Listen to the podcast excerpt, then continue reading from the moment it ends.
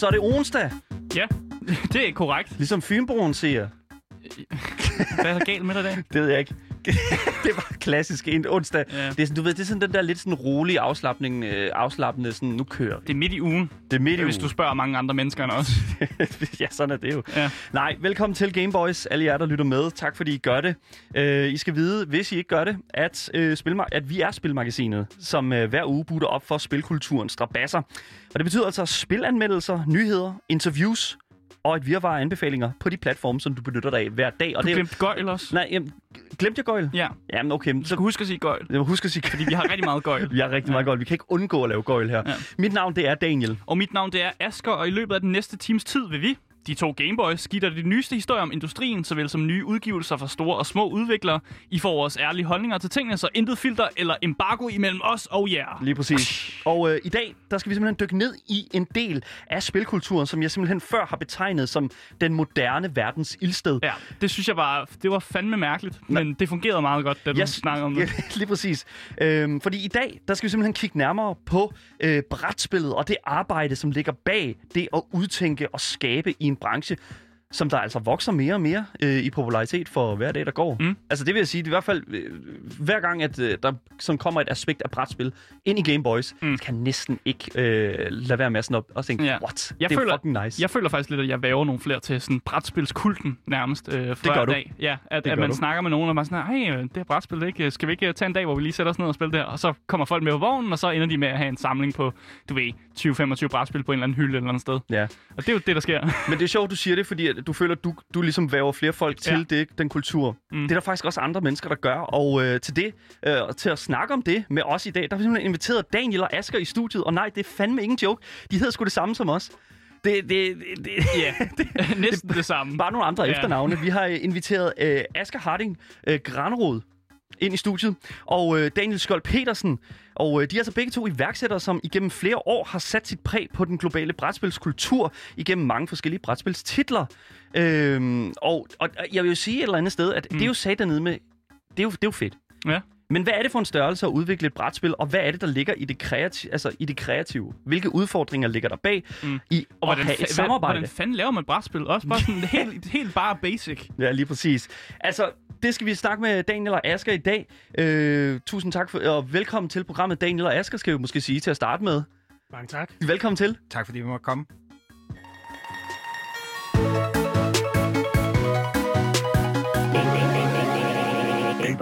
Så åbner jeg bordet nu. Velkommen til øh, jer begge to. Øh, det er jo fandme nede med, altså sådan øh, lidt, en, det er jo en interessant mm. del, det her brætspil. Øh, en del, øh, en interessant del af kulturen. Mm. Men altså det der med sådan at kreere et brætspil, og være brætspils, øh, hvad kalder man Jeg var, det, sige, skaber? gu- jeg var også ved at sige guruer. Brætspilsguruer. Hva- Hvad er det for en vi kalder, størrelse? Vi kalder det spildesigner, eller spilforfatter, eller spilopfinder. Ja, det, jo- lyder, det er jo det, lyder meget, ja, det lyder som en meget federe titel, faktisk. Og øhm, hvad er det, det er? Det er at finde på et spil. Det kan være, at du har spillet øh, Romy, og så finder du på Romy Cup. Øh, og det er jo nogle gange at tage udgangspunkt i noget, du ser og kender, eller mm. du laver Ludo-quiz, eller et eller andet andet med udgangspunkt i det. Det, vi mest beskæftiger os med, er det, vi vil kalde hobbyspil. Den mm. del af spil, der er øh, en, en lidt mere moderne måde at designe brætspil på, hvor det ikke er lige så meget, man sidder i 2, 3, 4, 5, 6 timer og bliver træt af at tabe. Det er i hvert fald mig. Øh, stemmen, I hørte her, det er jo selvfølgelig Asger. Øh, bare lige for at øh, få den lagt ud. Og Ja, det, og det var ikke mig, Asger. Det bliver pisseforvirrende, det her, er det den her det episode. Men det er Ja. også det. Det var mig, Asger. Nej, Asger, lige præcis. Men vi har selvfølgelig også Daniel Skold Petersen øh, ved bordet her. Øh, din øh, Askers kompagnon øh, og på lige fod. Øh, Daniel, he, hele den her sådan, brætspilskultur, altså i Danmark, hvad er det for en størrelse? Og det var et stort spørgsmål. Er det det? Ja. Er det et stort spørgsmål? Jamen, det er det. Altså, det. Man kan jo sige, at, at øh, der er jo kommet sådan en opblomstring af brætspil. Så når man taler om brætspil, så er det meget nemt at falde i den der ned i tønden og sige, brætspil det er old school, nu skal vi mm. tilbage til rødderne. Det der er rigtig meget af, det er også, vi husker spil, vi har spillet fra vores barndom, har en masse gode minder. Men brætspil er også øh, de sidste 15, 20, 25 år blevet rigtig meget mere nye spil, gode spil, der er veldesignet og giver folk nogle gode oplevelser. Så på den måde er det også rigtig meget øh, new school også. Jamen det, jeg kan godt uh, selv genkende det der. Og det var også den snak, vi havde, da vi var på Bastard Café, som er den her brætspilscafé.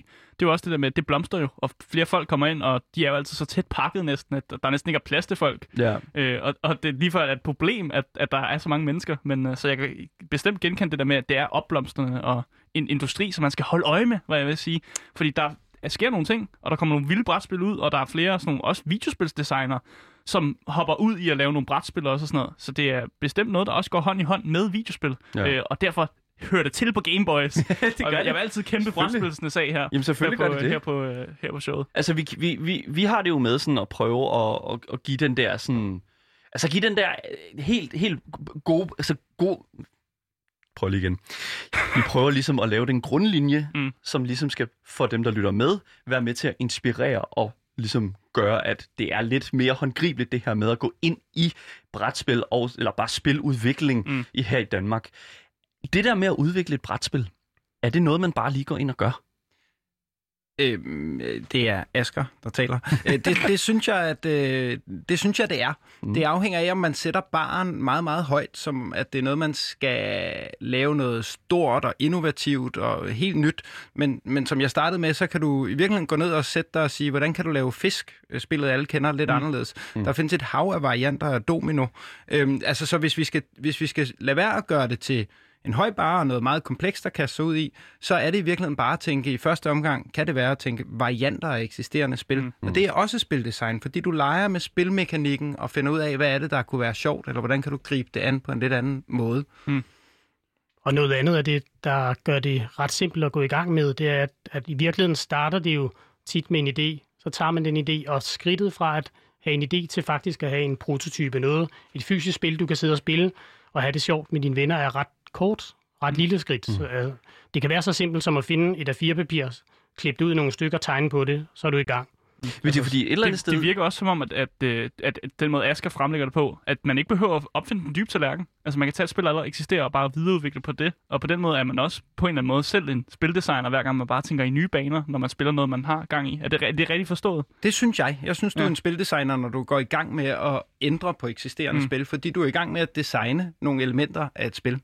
Øhm, det er jo så måske noget andet, end hvis du gerne vil være en professionel spildesigner. Det er jo så, at du gerne vil lære at leve af det. Så er det du skal finde ud af, hvordan du kan sælge den her Mm. mm. idé. Øhm, det, der er nogle forskellige varianter. Nogle går så ud og prøver at gøre det selv, og nogle prøver at finde forlag, ligesom manuskriptforfatter, eller en forfatter, der skriver manuskript til en bog, så finder en forlag, der så sætter redaktion og alt muligt andet, marketing og distribution og sådan over, og sørger for, at det kommer ud i verden. Men det er jo stadig noget, der er startet hos forfatteren, ligesom det er hos os, hvis vi er spilforfattere. Det er klart. Altså, jeg, jeg ved ikke, altså sådan, jeg kan virkelig, virkelig godt lide den tilgang, der er til den her kultur. Altså, hele spilkulturen, der, hvor det der med sådan at skabe, det starter Mm. altså ved den første streg et eller andet sted. Altså, jeg synes, der er noget meget ærligt i det. Altså, selvfølgelig er det også det, altså, hvis du skal bygge et hus, så starter det ved den første streg, men, men der er noget sådan meget sådan, i spilkulturen, sådan bare sådan helt basalt, det starter i dit hoved.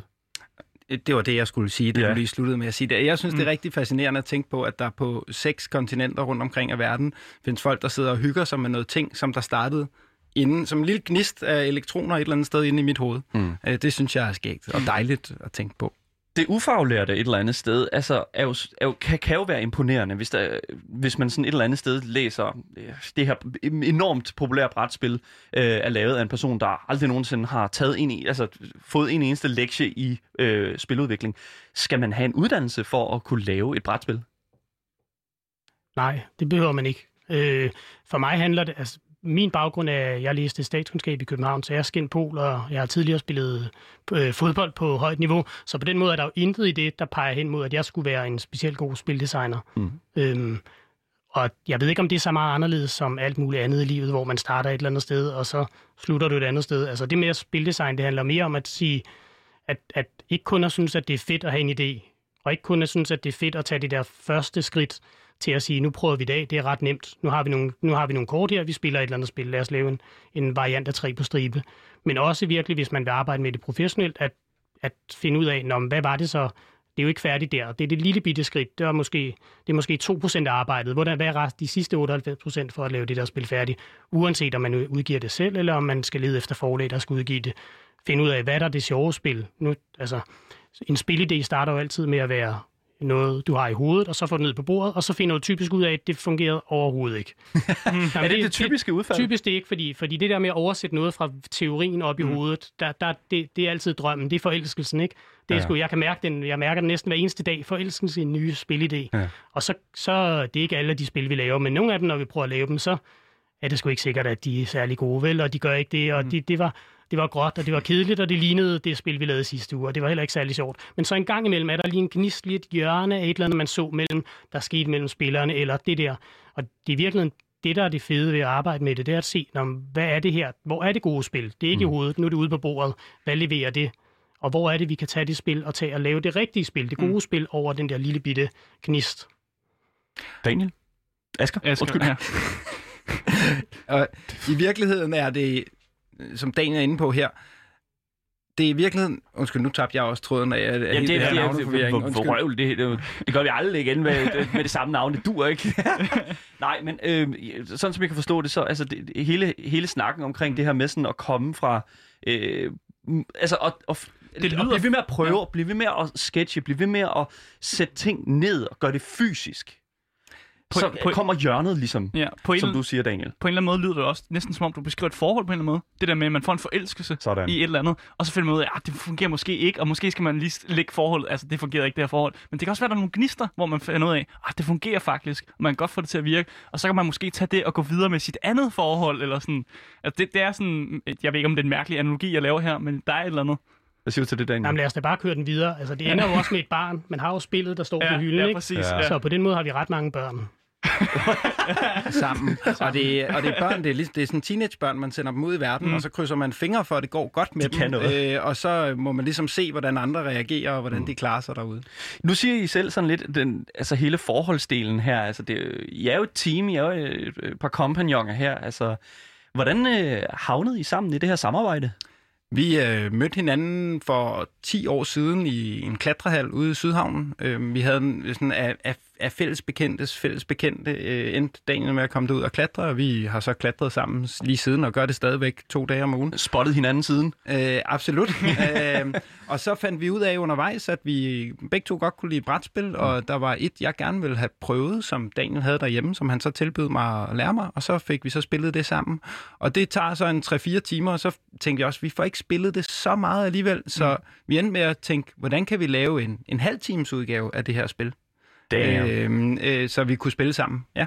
Der skete også det, at jeg fik øh, børn, så, øh, oh, så ved man, hvad der sker. Ikke? Så det, var, det, Ja. ja. det, det spil, Asger taler om, er sådan et stort, episk koldkrigsspil, der hedder Twilight Struggle, som er stadig et af mine favoritspil. Mm. Det er svært at blive ved med at sige, det er det. Jeg har ikke spillet det i syv, syv og et halvt år. men Men, ikke rigtig give slip på nogle af de nej, her men, altså, ting. men, men jeg, har, jeg har minderne om, jeg spillede det. Så det var meget det der minde om, det er jo en konkret inspiration. Sige, her har vi et spil, det giver nogle gode oplevelser. Hvordan kan jeg overhovedet komme til at spille noget, der minder om det, hvis jeg ikke kan investere og har lyst til det fire timer en hverdagsaften? Og det er simpelthen- noget mindre. Ja, lige præcis. Altså, og det er jo der, det, så det er simpelthen der, det starter. I sidder og spiller det her koldkrigsspil, og lige pludselig så kommer den der sådan idé der. Men altså, formår I så at lave den her korte version? Vi har spillet er det første spil, vi fik ud på markedet. Det hedder 13 dage, og det handler om Kuba-krisen. Oh, det er ja. de 13 dage, og der er også lavet en film, der hedder 13 dage om mm. det, hvor du henholdsvis spiller, den ene side spiller præsident Khrushchev, og den anden spiller øh, præsident Kennedy, og så er det sådan lidt, hvordan de navigerer sig igennem den her øh, krig, uden mm. selvfølgelig, at hele verden eksploderer i atomkrig. Mm. Øh, fordi så har alle tabt. Næsten. Det er sjovt at spille. Jeg, jeg kendte til det, fordi jeg sad og researched lidt på jer, og så var sådan et, gud, det er dem, der har lavet det der spil, 13 Days, uh, Cuba Missile Crisis. Så var jeg sådan et, damn, det, det kender jeg jo, det der spil. Og helt konkret, så er det, tror jeg, et af vores første skridt i retning af, hvad jeg vil kalde at også at være en professionel spildesigner. Fordi det er jo, at vi sidder og spiller et spil, og vi ser, at der er et behov for Mm. et andet produkt på markedet, end det der 3-4 timers koldkrigsspil Twilight Struggle, vi spillede. Vi ser, at der er et behov for noget, vi gerne vil kunne spille på en kortere tid, og vi tænker, at andre måske også vil have det behov. Og hvis du gerne vil ud og leve af at være spildesigner, uanset om du skal udgive det selv ud til slutbrugerne ude i markedet, eller om du skal sælge det til et forlag på mellemvejen, så skal de, der være et behov, det udfylder et eller andet sted, når det havner ude på hylderne. Så du skal til at tænke i, ikke bare er det sjovt for mig, men også er det sjovt, udfylder det et hul i markedet, og er det sjovt sådan ude i verden. Jeg vil sindssygt gerne snakke omkring, hvordan man, altså, øh, altså når man så har produceret, og hvordan man sender det ud. Mm. Men øh, lad os blive lidt i forhold til sådan, øh, de, øh, ja, ja, det er jer, der er interessante, fordi at det, som det handler om, øh, når man så et eller andet sted skal sidde og arbejde med de her sådan, nytænkninger, altså sådan at se, hvad, hvor, hvad, hvordan kan man lave det her på en ny måde. Trækker, altså, hvor trækker I de her inspirationer fra?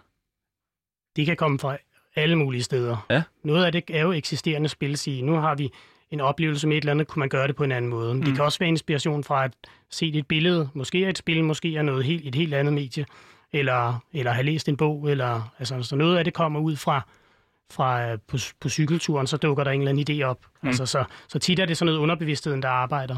Øhm, Konkret så har du dit Gold Fever-spil, som jeg ved, at der er en god historie fra. Ja, det er et barndomsminde. Så øh, jeg har jo også spillet, bar, spillet spil som barn, ligesom alle mulige andre, og mm. spiller med til at, at give de her oplevelser, og forhåbentlig bliver nogle af dem minder, som man så kan bruge senere i livet. Øhm, og da jeg var barn, var jeg tit på, øh, på campingferie med mine bedsteforældre hver sommer. Mig og min lillebror, vi kørte i bil, og så sad vi sit og klunsede og spillede spil. Min bedstefar kørte bilen, min bedstemor sad ved siden af, og vi sad bagved. Så sad vi og skulle have tiden til at gå. Mm. Øhm, og det der med at skrive nummerplader ned, det blev jo også lidt hurtigt lidt træt, og så kunne man sidde og spille nogle spil. Så jeg havde den der erindring om, mindet om, at vi sad og spillede spil. Øh, så den dukkede op en eller anden varm sommerdag, hvor jeg kørte en bil hjem fra et sommerhus og tænkte, hvad, hvilket spil kunne jeg lave nu? Som vi kunne have siddet og spillet, hvis det ikke var, fordi alle de andre lå og sov i bilen. Ikke? Og jeg sad der og kødede og havde noget alene tid, og så gik der 10 minutter, og så havde jeg en eller anden idé fra et spil. Jeg tænkte, den passer egentlig meget godt ind. Hvad hvis alle har en pose, som ikke skal have et spilleplade, man skal ikke have et bord, man har bare nogle ting nede i posen. Der er guldklumper, og der er en masse sten og skidt og møg, du ikke vil have op. Og så sidder man og trækker ting op af den der pose og tager lidt nogle chancer, og det gælder om først at få fem guldklumper op af posen. Så, så den idé kom jo fra, du skulle lave et spil, som man kunne spille på bagsiden af en bil. Ja. Agtigt. Det synes jeg også er en genial måde at tænke på. Og Men... det endte med at blive til Gold Fever, der så vandt årets børnespil i Danmark for to år siden, tror jeg. Og det er jo et eller andet sted, altså sådan, fordi altså, det er jo den ultimative, sådan, jeg tænker tilbage, jeg bruger noget fra mit eget liv.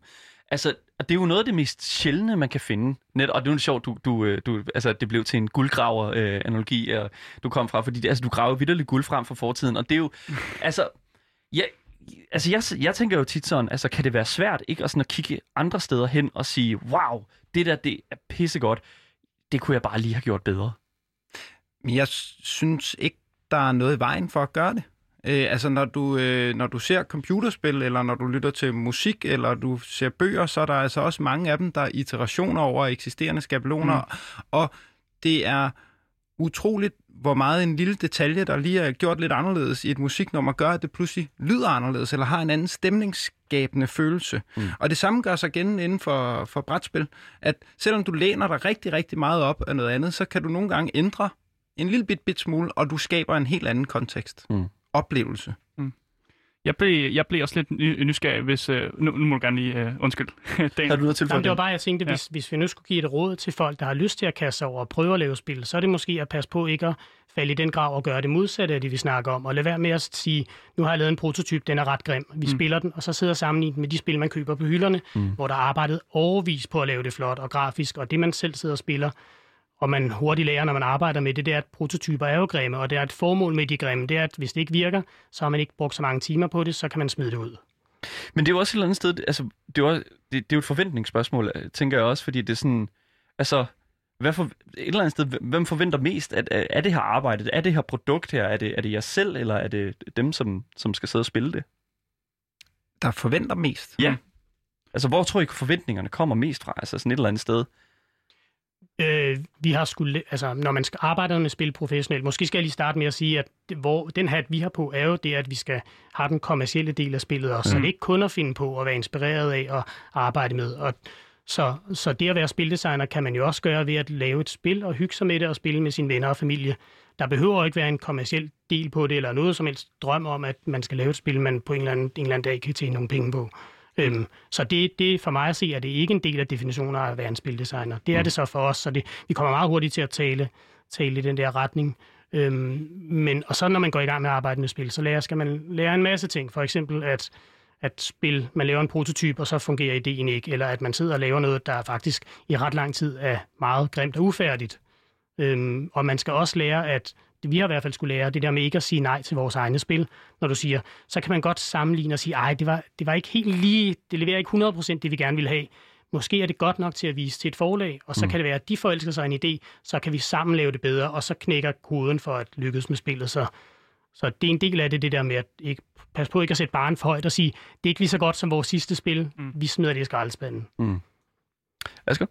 Det er lidt den der forfatter-ting, jeg snakker om igen, at, at en forfatter skal også finde et godt forlag, der har en dygtig redaktør, mm. der sørger for, at det bliver, bliver den vision, som forlaget og forfatteren har ja. sammen for den bog eller det spil, der kommer ud.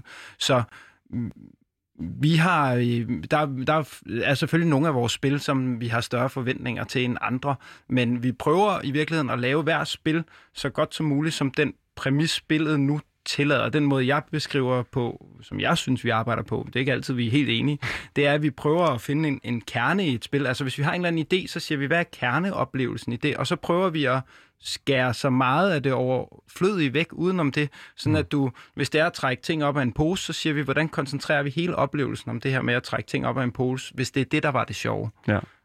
Hvordan, ud, hvordan udjævner I ligesom de her, øh, hvad kan man sige, uenigheder i at samarbejde?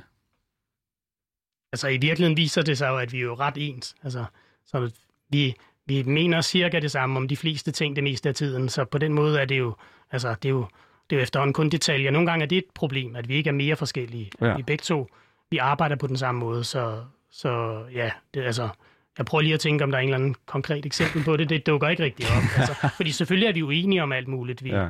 Altså. Det vi har lært, det er igen det, som Daniel var inde på tidligere, det er det her med, at vi kan ikke tænke os til det op i hovedet. Så altså, selvom jeg har en rigtig, rigtig stærk mening om et eller andet, mm. det har jeg tit, det har Daniel også i ny og næ, øh, så, øh, så ved vi, at den måde, vi skal finde ud af på, hvad der er op og ned, hvad der er rigtigt og forkert, mm. det er, at vi skal ud og teste. Mm. Fordi at mm, lige meget hvor meget jeg tror det, så, så kan det jo være, at vi ser, at folk ikke forstår den vinkel, jeg gerne vil have på det, og hvis folk ikke forstår det, så det, kan det godt være, at det så kan man sidde som designer og tænke, det her vil være den rigtige måde at gøre det på, men det nytter bare ikke noget, hvis det ikke bliver oversat til en oplevelse, der bliver forstået. Mm. Og så kommer jeg lige i tanke om et eksempel, og det er måske både et godt og et dårligt eksempel tilbage fra 13 Days, som var det første spil, vi, mm. vi lavede sammen øh, og fik udgivet.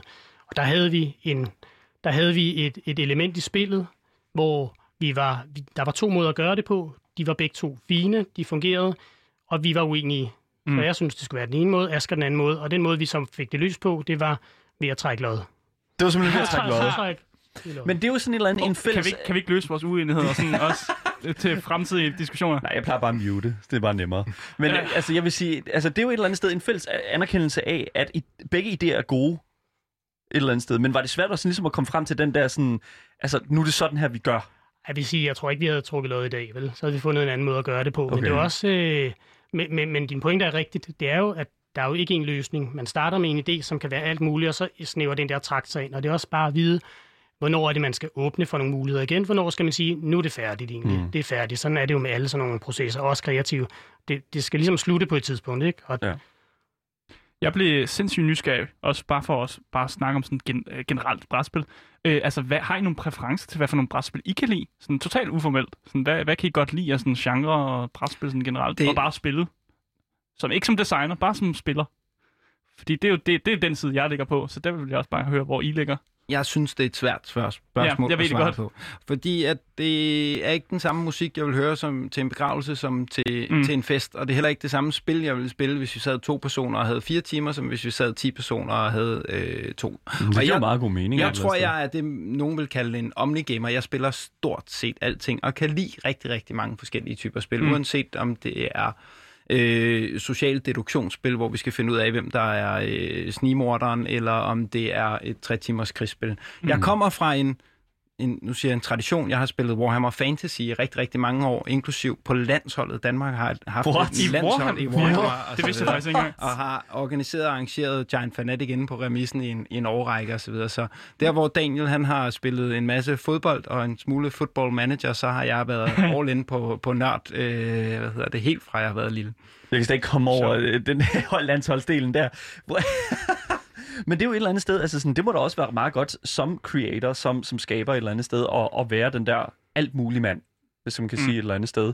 Hvad med, hvad med dig, Daniel? Altså, hvor, Har du hvor, nogle præferencer hvor ligger her? dine præferencer henne her? Ej, det bliver for kedeligt, hvis jeg svarer det samme, ikke? Ja. Men, altså, jeg kan huske, men I, I, I havde snakket med Bo fra Bastard Caféen, Mm. øh, og, og han nævnte jo det der med, at øh, nysgerrigheden efter at prøve noget nyt, opleve noget nyt, den har jeg også rigtig meget. Mm. Det bet- det er ikke altid, jeg behøver at spille spillet, det er bare det der med at se, hvad har de fundet på? Er der noget her? Og så jeg, det, for mig minder det lidt om, at, om det der med at få en idé og sige, åh, oh, her er der et eller andet ved den her idé, der tænder mig. Det synes jeg er interessant. Det er samme, når jeg ser nye spil.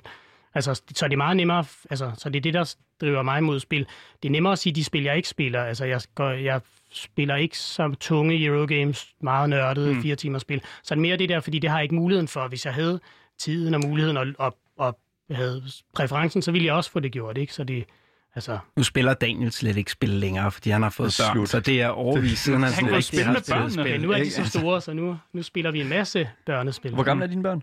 Øh, 4 og 7. 4 og 7. Fire Ja, og syv. altså, så kan man jo godt begynde at lave et... Altså, Spil Uno. Ja. Jeg spiller spil næsten hver dag med dem, og en masse Uno også. Det er Åha. altid at spille med børn. Men det er jo det, ja, fordi at, altså, jeg synes, nogle af de allerbedste spil, det er de der spil, det er sådan, der er, så- altså visionen bag dem er så ren. Altså er simpelthen, og Uno er et af mine, øh, altså Exploding Kittens, og alle de her sådan party games, øh, sidde rundt om bordet, man har lige drukket et glas vin, øh, den slags, og så hiver man brættet frem, eller øh, pakken. og det, Kortene, eller kortene. ja, hvad det nu er. og, og, det er jo, og det er jo det, som jeg synes, det er i hvert fald mit udgangspunkt for brætspil. For det er i hvert fald den, Mm. det, det, fra min fortid, altså det, der har været min sådan, Du er erfaring. lidt casual også. Fordi vil jeg har også sige. været på meget på camping og, og sådan, ikke? Og der tager man jo ikke de der, eller i hvert fald det gjorde vi ikke. Vi tog, vi tog Ludo med, vi tog Matador med, vi tog de der sådan, spil med, som var sådan sikre på, at, at der er en god aften ud af det, ikke? Mm. Nu er det bare ærgerligt, at min far er den værste vinder overhovedet. Og det er sådan et eller andet... Altså, Og du er den næstværste? eller Nej, nej, nej, nej. Eller det, vil- hvis du spørger min kæreste, så er det jo nok det rigtige svar. Men det sådan, altså, jeg, jeg synes bare, at det... Altså, vi har jo program, øh, vi, her på programmet har vi sådan et, et brætspil, som vi hiver, ud en gang imellem, når vi skal have folk ind, som ikke er sådan ærke-videospillere. Øh, og det hedder Trial by Trolley, Mm. øh, som er Cyanide and Happiness øh, inspireret. Og vi fandt ud af, at det fungerede vildt godt i radioformat, åbenbart. Det er i hvert fald rigtig sjovt at spille. Ja. Og det er jo, fordi det er så simpelt. Du tre mand, og altså, der, er- der er nogle moralske komplekser. Du får virkelig noget, nogle interessante sider ud af det menneske, som skal sidde i den der Mm. beslutningsposition. Og altså, det, altså, det er bare sådan, nu lægger jeg min præference ud også, at der ligesom er den der sådan, nu skal vi bare have en god aften, og Mm. det, vi skal grine en masse, og vi skal, vi skal have det her sjovt. Så, så din præference, den ligger jo på party games. Næsten. Det- det kan man godt sige, casual ja. party games, vil Men sige. jeg vil så til gengæld også sige, da vi spillede af Game of Thrones The Board Game, Som jo er... Som er et otte ni- timer, Ja, øh, 9 timers lige oplevelse. til langt ja, spil, hvor, hvor man virkelig bare skal, altså, altså jeg ved, har I nogensinde spillet det? Har I Ja. spillet uh, Game of Thrones The Board Game? Jeg har ikke. Det har lige fået en digital version på Steam, øh, som jeg endnu ikke har prøvet endnu, men jeg kan godt, altså jeg vil sige, det åbnede virkelig min, altså sådan, høj, altså, min horisont for altså sådan den type af spil, mm. hvor man måske lægger nogle planer, sådan flere, altså, flere, altså fem ture ude i fremtiden, og sådan at prøve at tænke virkelig taktisk. Vi, ja, altså, Game of Thrones, The Board Game, er meget simpelt, bare sådan et krigsførselsspil, som er sat i Game of Thrones-verdenen. Og oprindeligt sådan baseret på en engine af Ja. Diplomacy-spillet, som Ja. der kom tilbage i 50-60'erne. Apropos spil, der bliver designet hen over eksisterende andre temaer. Ja, lige mm. præcis, fordi altså de, altså de spil, som, som, som altså det har aldrig tiltalt hverken min familie eller mig selv, øh, så jeg er ikke rigtig blevet introduceret til det. Men da vi sad og, satte os og spillede, altså jeg, jeg, jeg satte mig i den position som, at øh, jeg puttede en masse penge i Asker, Ja gjorde ham rigtig stor og fed, Ja. så han var rigtig, rigtig øh, tiltalende for alle de andre spillere og angribe ham. Mm. Og så swooper jeg jo ind bagom til sidst og tager kronen, ikke? Og så og var rigtig, på, på virkelig, virkelig god. Du, Game of Thrones, du blev er- fuldstændig udraderet. Men jeg kunne ikke gøre noget. Jeg kunne ikke gøre noget. Han putter en masse penge ind i mig, og, og jeg var sådan, nå, nu har jeg en masse penge og en masse tropper, og sådan, "Okay, nu angriber jeg. Det er sådan, det var. Men her, der rammer vi jo noget af det, brætspil kan. Ja. Mm. Altså, uanset hvilket spil, det kan give nogle oplevelser, nogle historier, I fortæller. Det er noget, man deler. Præcis. Præcis, og jeg vil sige min præference, fordi min er lidt anderledes end dagens. Jeg kan også godt lide det at spille. Men jeg tror, jeg er mest glad for sådan co-op-spil. Øh, altså spil, hvor man samarbejder. Øh, lige for nylig her, så har jeg spillet det spil, der hedder Fuck of Love. Jeg ved ikke, om I kender til det. Det er jo to-personers spil, hvor man egentlig spiller som et, et, sådan et couple, og der samarbejder man jo øh, på en sådan mærkelig måde, fordi det er sådan en mærkelig dynamik, øh, Mm. hvor man både samarbejder, men på et tidspunkt så gør man måske heller ikke. Øh, men jeg er virkelig glad for de her samarbejdsspil, fordi på en eller anden måde så prøver man at sørge for, at alle har det sjovt rundt om bordet. Øh, og der er ikke nogen, der har sådan en, en taberoplevelse, som Nej. er mega nederen i de store spil, for eksempel, hvor man spiller 9 timer, og hvis man begynder at tabe, så har man det nederen de sidste 5 timer af spillet, øh, og det er ikke fedt for nogen. Og nu vil jeg lige sige, Daniel, jeg, fucking, jeg elsker, at du sagde, at det skaber historier. Mm. Altså, alle de her, de skaber nogle situationer, hvor man sidder og interagerer med hinanden. Og det er jo netop det, som Hestia, som er den græske gudinde, for ildstedet. Ah. Det er det, hun står for. Det her med, fordi ildstedet førhen var jo netop det der, sådan, den der rundkreds der.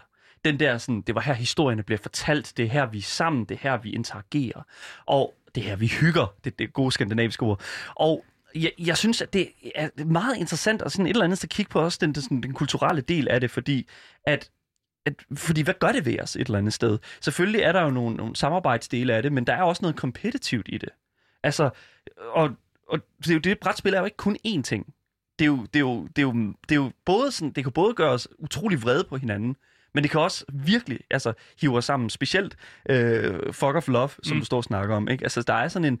en øh, ja, det, det ved jeg ikke. Det er sådan en, både en modpol og en, og en, øh, en medpol, hvad man Der, siger. jeg har fandme set mange, der har flippet deres øh, Monopoly-spil, efter de har spillet det. det jeg, jeg forstår ikke, hvorfor folk stadig spiller Monopoly. For det virker bare som om, der er folk, der bliver sure, efter de har spillet det. Så det, Jeg har et bud på, hvorfor det er, og jeg tror også, det er øh, et bud på, hvorfor det også er Ludo og Dam og så videre, der mm. kommer med på campingpladsen i første omgang. Det er fordi, når du spiller nye computerspil, så bliver der ikke forventet så meget af dig. Du bliver ligesom holdt i hånden igennem en læringsproces. Mm. Men alle føler, at de kender reglerne til Matador og til Ludo og til Dam og så videre.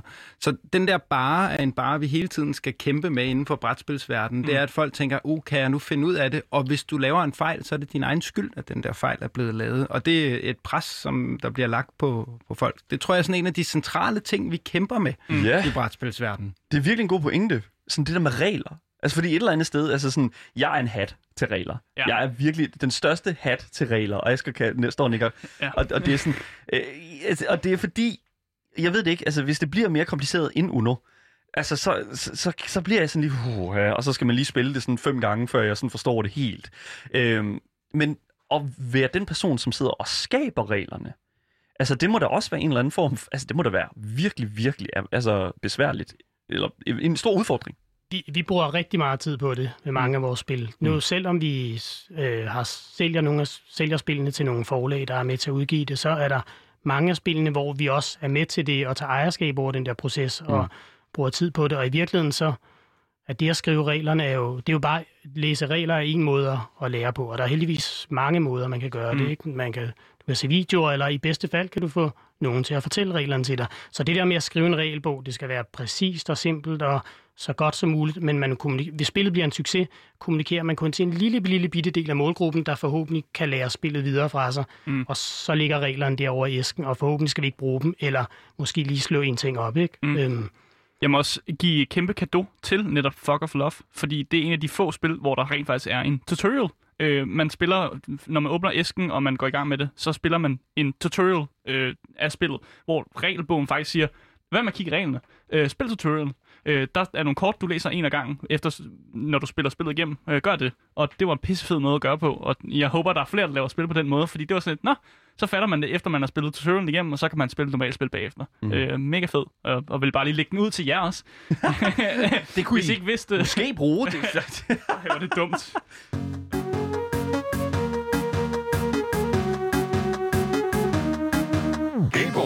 Lytter til Gameboys, som I jo nok kan høre, med mig Daniel, Og mig, Asger. og vi er i gang med at interviewe brætspilsdesignere Daniel og Asger.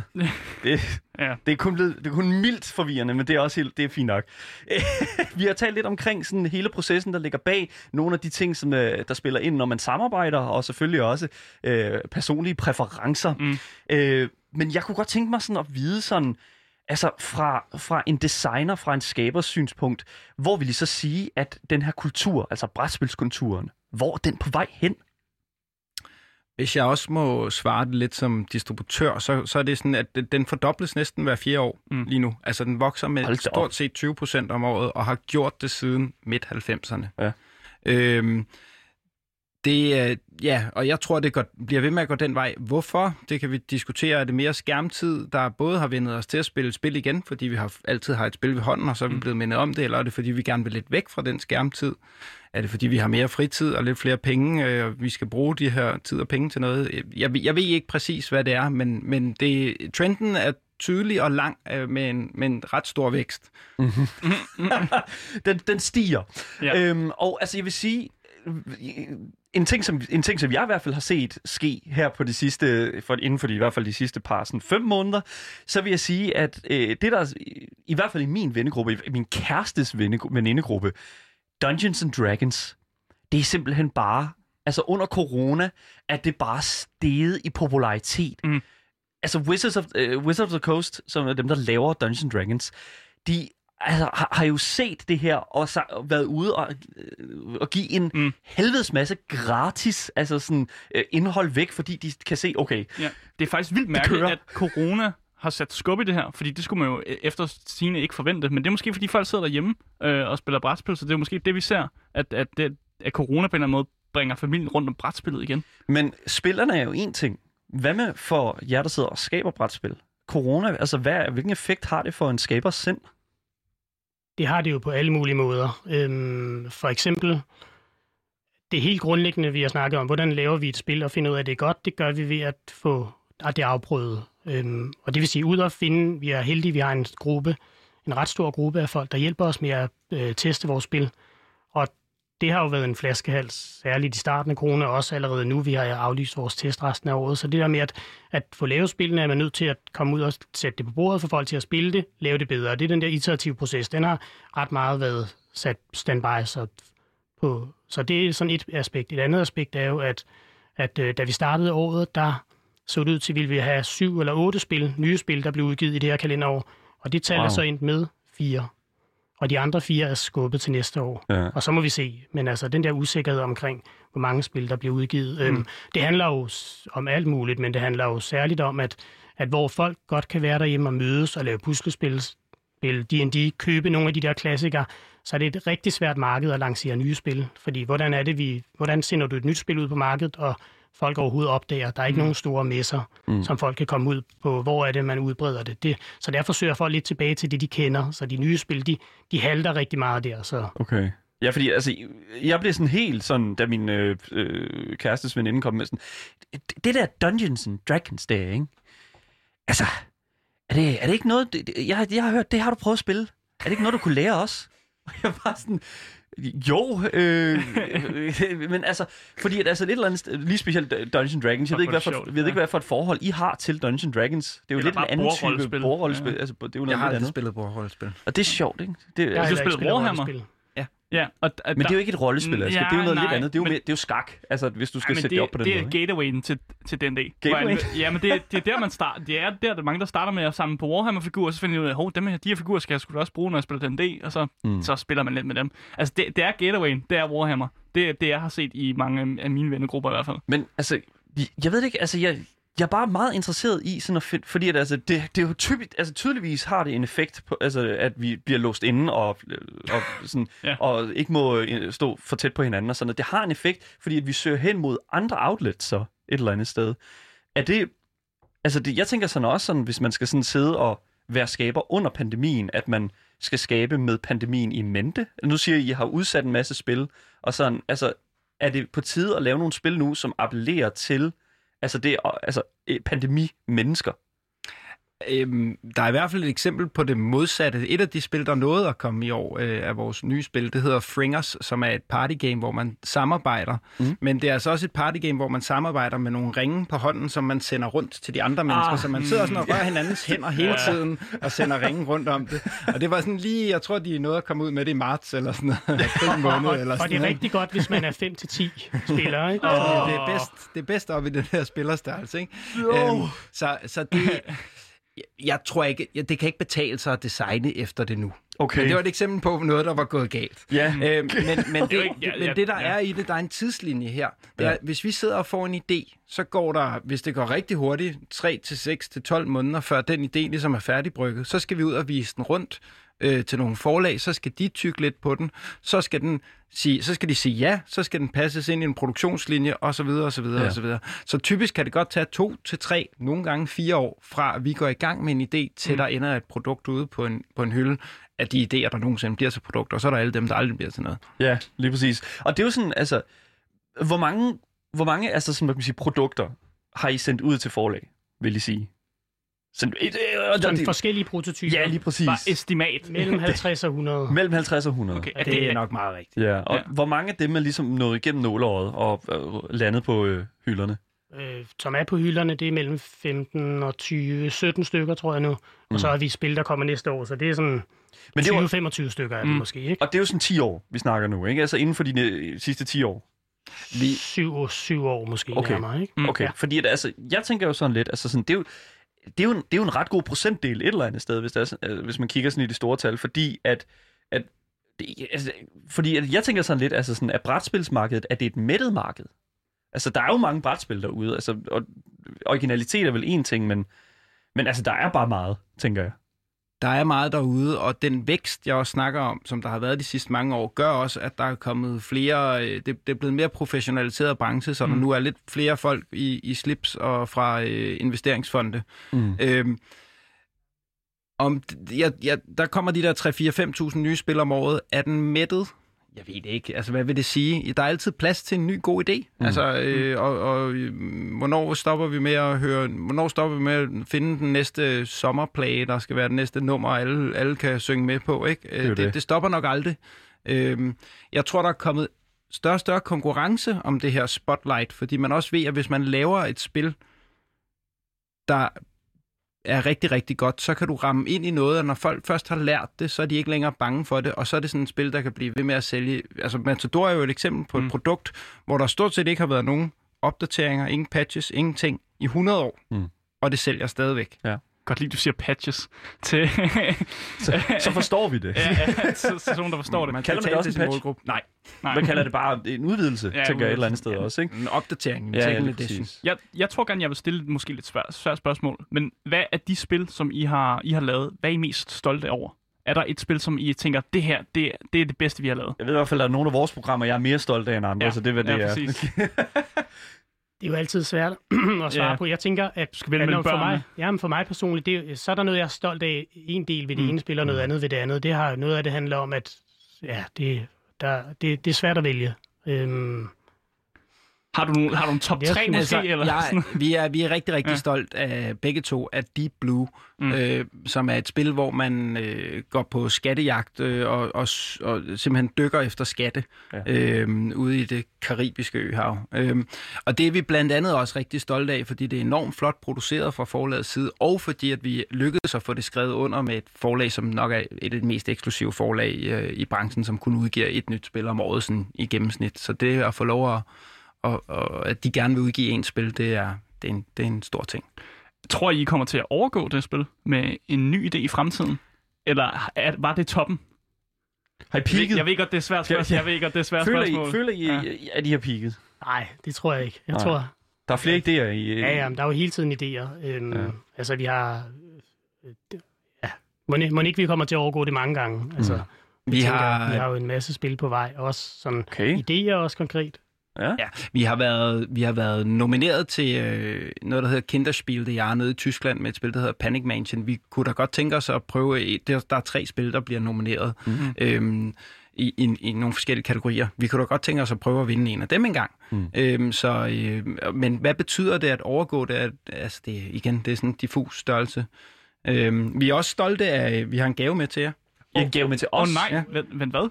Vi er også stolte af vores, Nej, øh, nej. vores, Åh. vores spil Åh, Copenhagen. Okay, da. seriøst. Øhm, vi snakkede med vores, øh, vores indiespil- og brætspilsekspert, øh, Andreas, i går, og han sagde faktisk, Copenhagen, det var et spil, som de her to har lavet, som han synes, vi skulle få. Vi Så skulle det- have fat. Det er faktisk vildt, at I så har det med i dag til os. Nej, mand. Først og fremmest må, må jeg den første lige til at sige, altså, tusind mange tak, fordi I tager en gave med ind. I, de- jeg vil sige, det er kun øh, to gæster. En, altså, det er kun jer, og så en anden, der har været inde og givet, ga- os gaver. Ja, det var dig, der fik en gave sidst. Jeg fik en gave ja. sidst, det var min fødselsdag, øh, af Kasper Witt, som er øh, sportsdirektør for Astralis. Han, Han gav mig en jersey, en det var jeg rigtig glad for. trøje, ja. Men den kan, altså kun, den kan kun bruges til træning og vask. Det der, det er, altså, det er fandme nede, men det er pænt af jer. Tusind tak, fordi I tager det med ind. Det altså. er et eksempel på et spil, der vandt øh, årets familiespil herhjemme sidste år. Og så er det også et eksempel, hvor der er et spil, der en lille smule handler om computerspilsverdenen. Mm. Fordi det er faktisk inspireret af Tetris. det er Ja. inspireret af Tetris. Ja. Ja. Der jeg falder også- nogle polyomino-brikker ned ovenfra, du skal passe sammen. Ah, selvfølgelig. Ja, det bliver vi nødt til at review jo. Det bliver vi nødt til. På Ja, det, vi- der Ja. kommer en anmeldelse, Ja. så det må vi, se. Så må vi se, om den holder. Ja. Nej, det vidste det. Men altså, det- Copenhagen er jo det, som jeg... Altså, min forståelse af det er jo et af de spil, som... Vidste du godt, det er en by i Danmark? Er det en by i Ja, Danmark? Nå. Copenhagen. Ja. Men altså, jeg, jeg kan forstå, at det er også et, et af de spil, som er øh, blevet mødt meget positivt fra, øh, fra altså, øh, derude. Og Mm. jeg tænker sådan, for bare sådan at stille et, igen et meget basalt spørgsmål. Hvad, altså, hvad er det, der udgør et godt brætspil? Oh, svært spørgsmål, hvis Ja, det er men, det, Ja, men det er jo, der- skal, der skal være grundlæggende, nu siger jeg puslespil, det betyder ikke, at det er brikker, der passer sammen, men, men at du skal regne noget ud, og det skal være noget, du føler dig kompetent klædt på til at kunne gøre, men også noget, der udfordrer dig, hvor der er nogle forskellige muligheder undervejs. Altså du skal ikke, hvis du ved, hvad, hvad valget er, hvis det rigtige svar er, hvis der kun er et, så er det ikke interessant. Men hvis der er 100 forskellige muligheder, der er lige interessante, så kan det også være rigtig svært at vælge. Så det er om at ramme sådan en balance, hvor der er den rigtige mængde udfordring. Øhm, og så rigtig den kaosfaktor, der kan komme ind imellem, kan være de andre spillere, der ligesom kan gøre, at du har noget usikkerhed om, hvad der sker.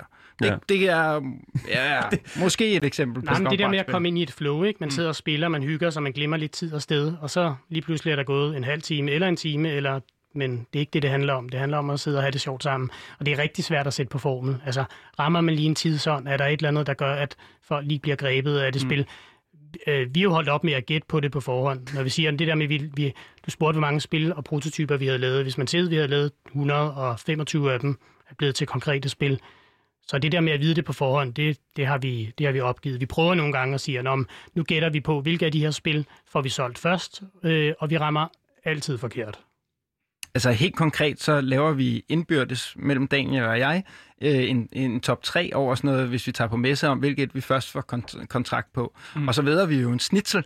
Så den der, øh, så den ene skal den der, den, det er fordi, der er mange messer i Tyskland. Det er selvfølgelig. Den der, den der taber, øh, den der taber skal, skal ligesom betale en snitsel til den anden. Jeg vil gerne vide, hvem har vundet flest Ja, det- vi er snitsler? nu nødt til at- ja. Jeg, jeg, jeg, jeg tror desværre, det er Daniel, Hvad er lidt du? foran. Du har et øje for det, eller hvad?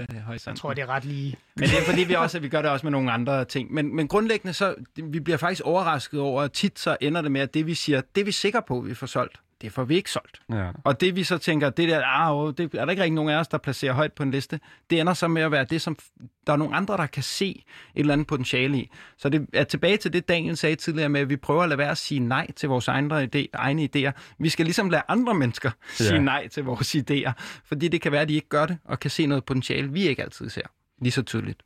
Og det, jeg skal tale om, det er, det er jo vores sådan, salg. Nu laver jeg lige gåsøjne, ikke? Altså, det, vores salg til et forlag, det er jo i virkeligheden den samme usikkerhed, det rammer, når et forlag skal sige, nu prøver vi at lave det her spil. De kender deres målgruppe, rammer det, det ved man ikke. Man ved det simpelthen ikke. Hvor mange skal vi trykke? Skal vi trykke 3.000 eller 20.000? Men altså, det er bare, der er jo en masse data og opsamling og kvalificeret bud, men man ved ikke lige, hvad der, hvad der rammer. Hvad er det, der lige rammer ned en tidsånd og fanger nogen, ikke? Mm. Altså, det synes jeg faktisk er meget interessant, fordi at, øh, gætværk er jo en ting, og man kan selvfølgelig også godt kigge på, og øh, det her det stemmer overens med nogle tendenser, som har, har været populære før. Og, mm. Altså, sådan, der er jo selvfølgelig nogle tendenser øh, til kvaliteter, til succes.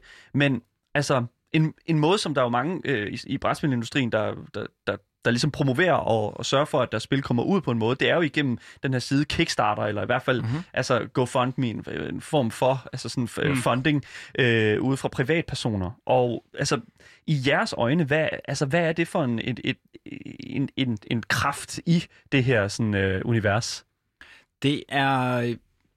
Det, det startede for, jeg kan ikke huske hvor mange år siden, men omkring et år 10 siden, og Mm. der var det rigtig, rigtig meget indie creators, Ja. Indie designere, der tog deres produkt ud, nogle gange på meget tidlig stadie.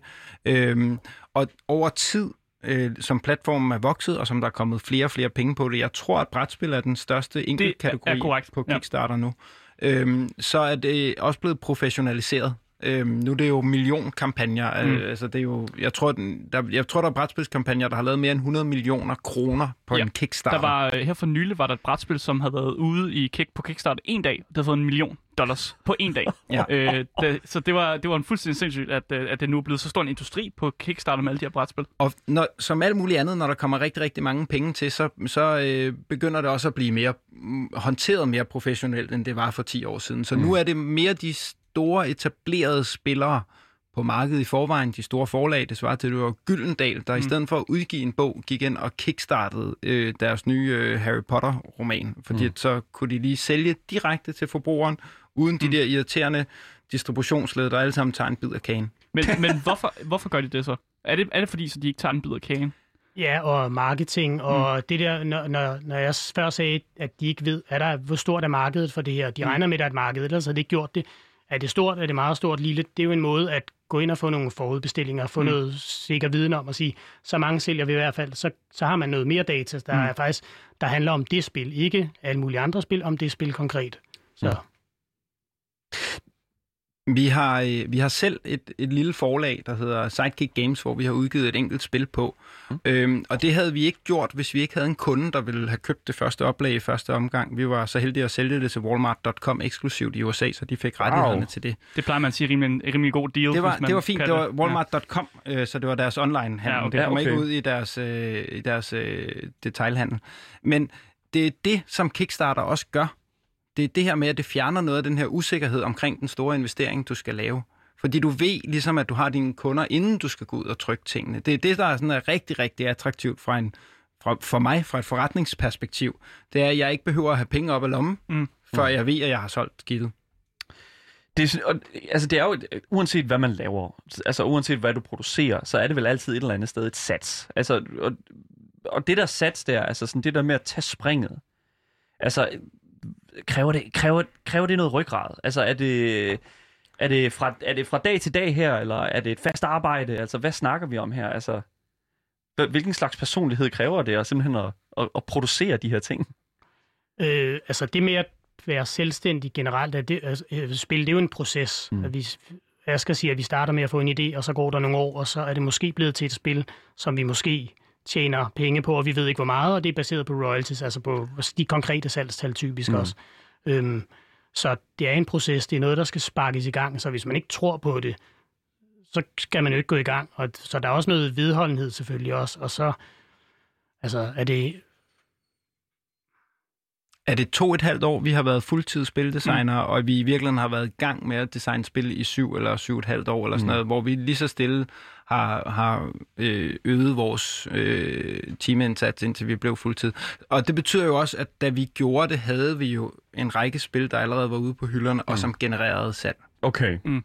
Så det tog ligesom noget, noget running, og det tog ligesom noget energi, altså at komme derhen, ja. ikke? Folk gør det jo forskelligt, Ja. ja. men, men sådan gjorde vi det. Øh, jeg er ked af at afbryde den her glimrende samtale, men vi begynder at løbe lidt tør for tid, så til Gud. sidst vil jeg bare lige øh, spørge, om.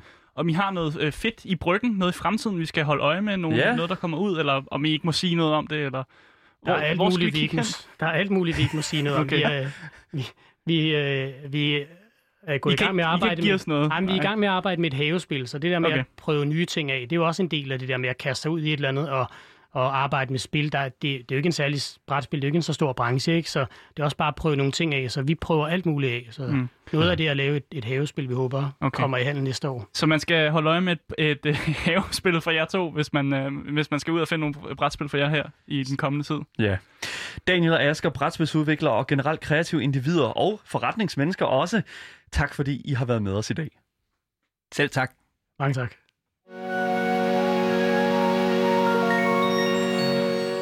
Ja, det var altså alt, hvad vi havde på programmet i dag. Og som altid, hvis I har nogle kommentarer til os, eller hvis I sidder og brænder ind med spørgsmål til den anden Daniel og Asger, De andre? Øh, ja, de andre Daniel og Asger, så kan jeg altså skrive til vores e-mail, som er gameboy så skal vi nok sende dem videre. Yes. I, I kan også kontakte Louds egen Instagram-profil, som hedder radio.loud.dk.